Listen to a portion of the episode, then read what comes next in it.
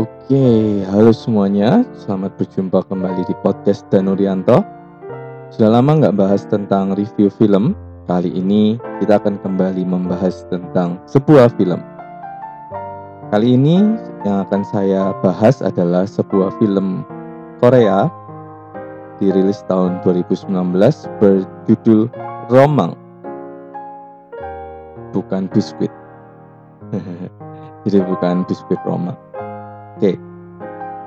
Ceritanya, film Romang ini adalah sebuah film bergenre drama romantis, tapi jangan berpikiran kalau yang bermain di sini itu adalah aktor muda, ganteng, cantik, hidung mancung, langsing tinggi. Bukan. Karena Romang ini menceritakan tentang sepasang kekasih yang mereka sudah lanjut usia. Loh, terus apa menariknya film ini? Tokoh utamanya uh, sudah lanjut usia. Apa menariknya gitu kan? Nah, ketika saya lihat film ini pertama kali lihat dari posternya itu saya sudah tertarik.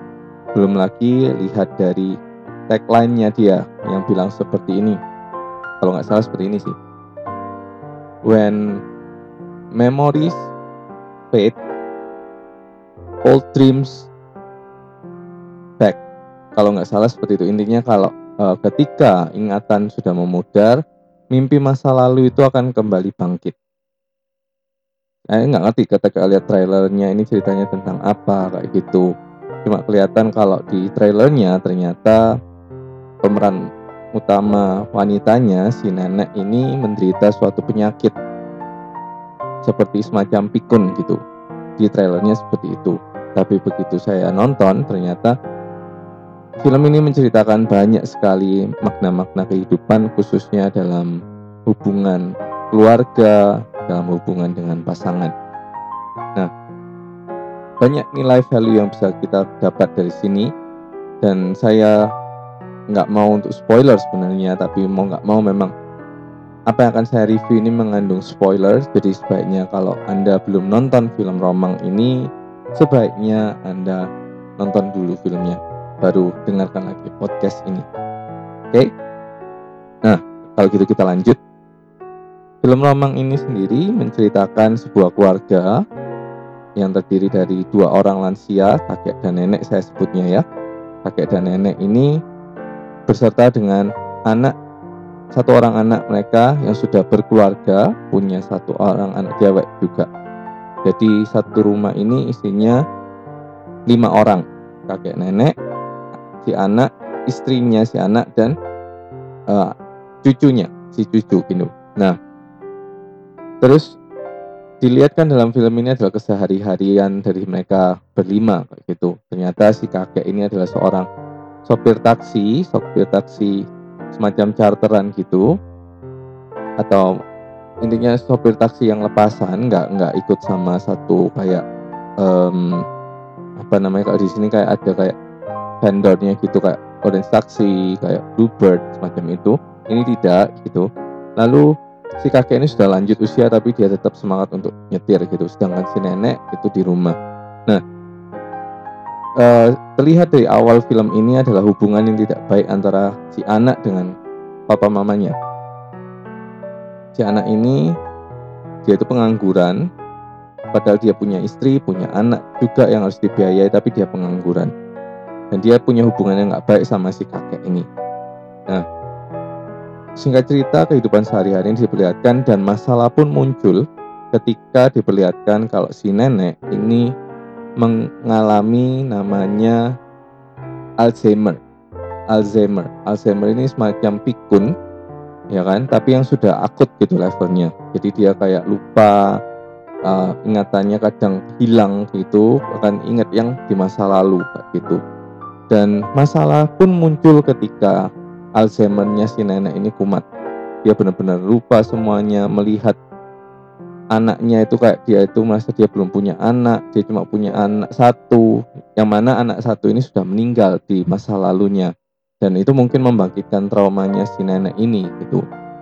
Nah, singkat cerita si nenek ini karena dia menderita Alzheimer, dia itu jadi kayak sering jalan-jalan sendiri keluar, hilang, hujan-hujanan kayak gitu. Nah, itu benar-benar menimbulkan uh, keresahan di rumah yang awalnya damai tapi setelah si nenek ini kena Alzheimer itu menimbulkan keresahan sehingga menimbulkan stres baru di, di keluarga itu. Bahkan si menantu akhirnya nggak kuat karena melihat mama mertuanya seperti itu. Akhirnya si menantu ini dan mengambil cucunya untuk mereka pulang ke rumah orang tua si menantu ini singkat cerita si anak pun nyusul menyusul istrinya kayak gitu dan akhirnya tinggallah di rumah itu berdua saja si kakek dan si nenek. Nah, di sini justru uh, hubungan mereka kakek dan nenek yang awalnya tidak baik, si kakek yang suka main kasar sama si nenek, suka bentak-bentak si nenek gitu. Eh, ternyata ini menjadi suatu awal yang baru untuk memulihkan hubungan mereka. Si kakek terpaksa harus merawat si nenek kayak gitu bahkan kecintaannya pada mobilnya taksinya itu itu pun dia harus lepaskan karena dia harus mementingkan merawat si nenek. Nah, kejadian berikutnya yang lebih seru adalah ketahuan kalau ternyata si kakek ini juga menderita Alzheimer juga, Alzheimer juga. Dia tahu ketika dia pagi-pagi bangun melihat mobilnya rusak, sepatunya penuh lumpur, dia heran siapa yang lakukan itu. Lalu dia selidiki dari kamera CCTV di mobilnya, dia kaget Ternyata yang melakukannya adalah dirinya sendiri. Di situ dia tahu kalau dia juga menderita Alzheimer. Akhirnya apa? Akhirnya lucunya di sini adalah si kakek dan si nenek ini mereka mengkarantina dirinya. Mereka tinggal di rumahnya, nggak keluar-keluar, dan mereka saling merawat satu sama lain. Lucunya ya di film ini diceritakan ada satu kala momen si nenek yang eh, baik-baik uh, saja, tapi si kakek yang kumat Alzheimer-nya. Atau kadang sebaliknya, si kakek yang kumat Alzheimer-nya, oh sorry, si nenek yang kumat Alzheimer-nya, si kakek yang baik-baik saja. Dan cara mereka berkomunikasi itu di film ini sungguh unik karena ketika si neneknya lagi baik-baik saja, dia itu tinggalkan pesan untuk si suami. Entah itu jangan lupa makan, entah itu mereka bercanda-bercanda. Nah lalu ketika si suami ini yang giliran baik-baik saja, dia baca tulisan itu kayak pesan dari si nenek. Terus dia balas juga dia tulis tempel juga di dekat uh, pesannya si nenek itu. Dan gitu terus. Bahkan ada kalanya ini keduanya itu kumatnya barengan Alzheimernya itu kambuhnya barengan. Dan itu sungguh-sungguh kayak membuat mereka itu kayak anak kecil segala macam. Dan benar-benar ketika saya nonton ini itu saya benar-benar belajar banyak gitu bagaimana ketika kita diberi kesempatan untuk kita mengasihi orang yang kita sayangi, orang yang ada di sekeliling kita, entah itu papa mama kita, pasangan kita, itu ada sebuah momen yang berharga yang Tuhan sudah berikan untuk kita. Harusnya kita harus pergunakan itu dengan sebaik mungkin, tidak menggunakannya sia-sia. Karena apa? Karena di endingnya kita nggak pernah tahu kapan pasangan kita, papa mama kita itu akan pergi untuk selamanya. Saya nggak akan lanjutkan cerita filmnya, mungkin Anda bisa nonton sendiri.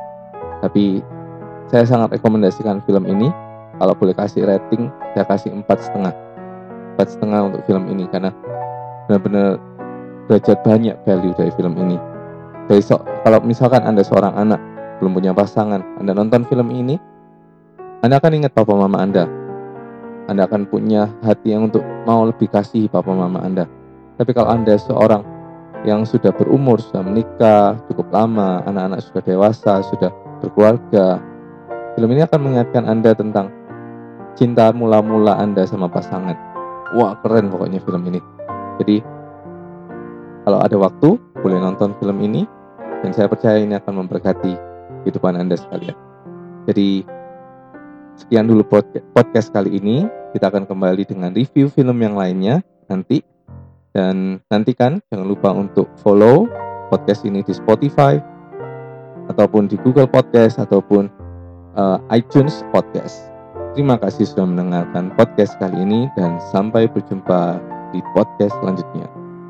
Bye.